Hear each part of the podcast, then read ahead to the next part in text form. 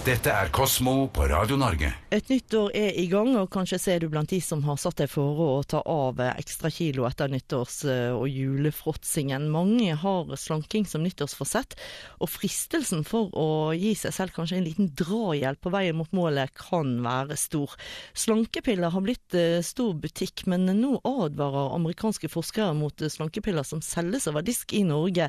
Hanne Jacobsen fra eh, forskning.no, det er legemiddelet Orlistat som har fått eh, forskerne til å rope varsko. I hvilke slankemidler finner vi egentlig dette middelet her?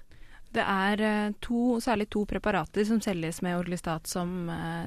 Det er et som heter Ally, som er en sånn ganske vanlig slankepille. Nå eh, har den vært tatt ut av disksalg i Norge den siste tiden. Ikke i forbindelse med denne saken her, før det. Men du kan fortsatt kjøpt den, få kjøpt den på nett, og den er, har vært vanlig å bruke i Norge.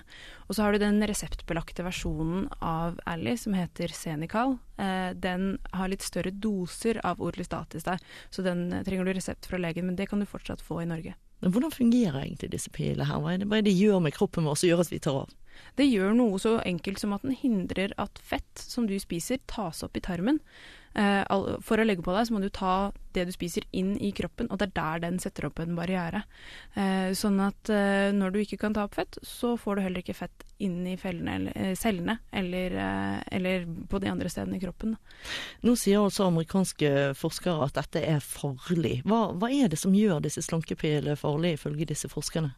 Så Det de har sett på, er hvordan denne pillen påvirker et helt spesielt enzym som vi har i kroppen, som heter karbosylesterase 2. Det det enzymet gjør, det er at det renser opp i viktige organer i kroppen. Eh, F.eks. leveren og nyrene har som oppgave å rense kroppen. Eh, og til å gjøre den jobben så trenger den dette enzymet. Når da Orlistat stopper stopper produksjonen og virkningen av det enzymet, så sier disse forskerne at det kan da tenkes at det hoper seg opp giftstoffer og sånne slaggstoffer i de organene. Det fører til betennelser, og i aller verste fall så kan det gi organsvikt. Så det kan være alvorlig hvis de eh, forsøkene de har gjort er riktige. Så leveren kan rett og slett slutte å fungere? Med for mye av dette orlistat i leveren, så er det, det er det en fare for. Eh, så Statens legemiddelverk eh, har sett på stoffet og er ikke umiddelbart kjempebekymra, fordi eh, det er begrensa hvor mye orlistat som kan tas opp i eh, tarmen. Det er der den Altså, den skal heller ikke egentlig slippe gjennom den tarmbarrieren som vi har. Mm. Eh, og så Den store uenigheten blant forskerne her er at han, amerikaneren som har gjort denne studien, mener at mer orlistat tas opp enn det eh, på en måte produsenten og legemiddelmyndighetene har sett til nå, eh, og at det er mer skadelig når det først er der inne. Dette er Kosmo på Radio Norge. Amerikanske forskere advarer mot bruk av slankepiller som inneholder stoffet orlistat, fordi de har gjort undersøkelser som viser at nettopp dette stoffet kan føre til at viktige organer, sånn som leveren vår, slutter å fungere. Her hjemme i Norge så kjenner vi dette stoffet ifra f.eks. den reseptbelagte slankepillen Senical, og så den eh, ja, noe mildere da, og ikke reseptbelagte slankepillen Ellie, som også er bygget på orlistat.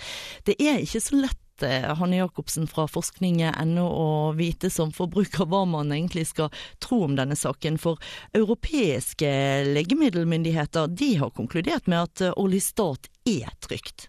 Det har de, og de har, altså det er ikke noen grunn til å, å rope varsku sånn med en gang. De har hatt rapporter om sånne levereffekter, leverbetennelser, tidligere. Det har vært veldig sjelden, og hvis det har skjedd, så har det ofte vært ikke så veldig alvorlig.